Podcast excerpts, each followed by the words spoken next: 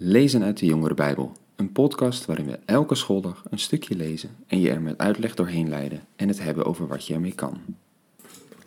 Dag jongens en meiden, goed dat je er weer bij bent vandaag.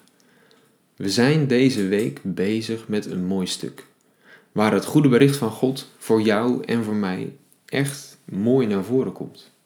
Ik vind het misschien wel een van de mooiste hoofdstukken uit de Bijbel. We hebben het er al over gehad hoe we kinderen van God mogen zijn. En hoe we ons niet druk hoeven te maken wat God van ons vindt. Of we goed genoeg zijn misschien. Of we wel hard genoeg ons best doen. Bij God mogen we gewoon tot rust komen. Mogen we gewoon zijn. En wat we vandaag gaan lezen, daarin gaat Paulus hierop verder. En hij barst uit in een soort overwinningstoespraak. Lees maar eens mee vanaf vers 31 in Romeinen 8. Wat moeten wij hier verder over zeggen? Want als God voor ons is, wie kan dan tegen ons zijn? Zal Hij, God, die zijn eigen zoon niet gespaard, maar Hem omwille van ons allen heeft prijsgegeven, ons dan met Hem ook niet alles schenken? Wie zal Gods uitverkoren aanklagen? God zelf spreekt hen vrij. Wie zal hem veroordelen? Christus Jezus, die gestorven is, meer nog, die is opgewekt, zit aan de rechterhand van God en pleit voor ons. Wat zal ons scheiden van de liefde van Christus? Tegenspoed, ellende of vervolging, honger of armoede, gevaar of het zwaard? Er staat geschreven: Om u worden wij dag na dag gedood en afgevoerd als schapen voor de slacht.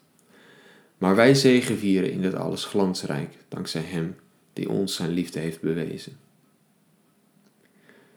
Ja, hoe simpel, hoe mooi en tegelijkertijd hoe ontzettend dwaas is het wat hier staat. Er zit een hele simpele, voor de wereld dwaze, maar ontzettend sterke krachten hier in deze verse. Denk maar eens mee. Als God onze Vader is en Hij houdt echt onvoorwaardelijk van ons. Als God het is die voor ons is, wat kunnen mensen ons dan maken?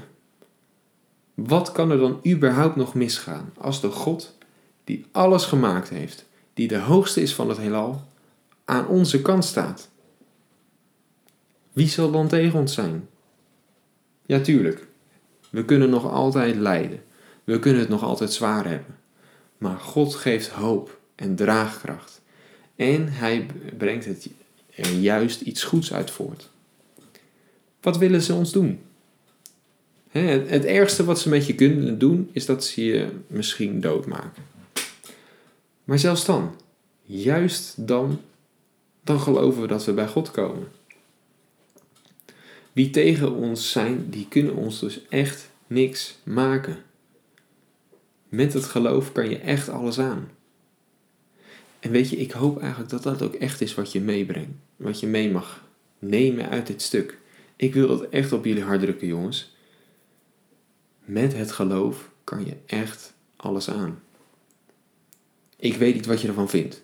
Van de Bijbel, van het geloof. Misschien vind je het saai en oninteressant. Maar het kan je zoveel brengen. Als dat je gedachten gaat veranderen, dan maakt het niet, eigenlijk niet uit wat er gebeurt. Onder alle omstandigheden kan je blijven staan en kan je tevreden blijven, want God is erbij. En dat kan echt in alle omstandigheden. Bij God, bij het geloof, daar kan je rust en vrede vinden. Liefde, tevredenheid. Allemaal bij God. Is dat niet wat we willen? Ik zeg het nog maar eens echt, je kan met het geloof alles aan. En bovenal, met het geloof vind je wat het allerbelangrijkste is in het leven. Liefde. En daar gaan ook de laatste versen van het hoofdstuk over. Lees maar eens mee. Daar zegt Paulus: Ik ben ervan overtuigd dat dood nog leven, engelen nog machten, krachten, heden nog toekomst, hoogte nog diepte, of wat er ook maar in de schepping is, ons zal kunnen scheiden van de liefde van God, die Hij ons bewezen heeft in Christus Jezus, onze Heer. Echt, het maakt dus niet uit wat we tegenkomen, welke tegenslagen er in ons leven plaatsvinden. Als je het belangrijkste hebt leren kennen, Gods liefde, dan is er niets wat dat meer van je kan afpakken. Het maakt dan ook niet meer zoveel uit wat mensen van je vinden. Want je weet dat je een vader hebt die altijd van je zal blijven houden. Je hoeft je niet meer uit te sloven.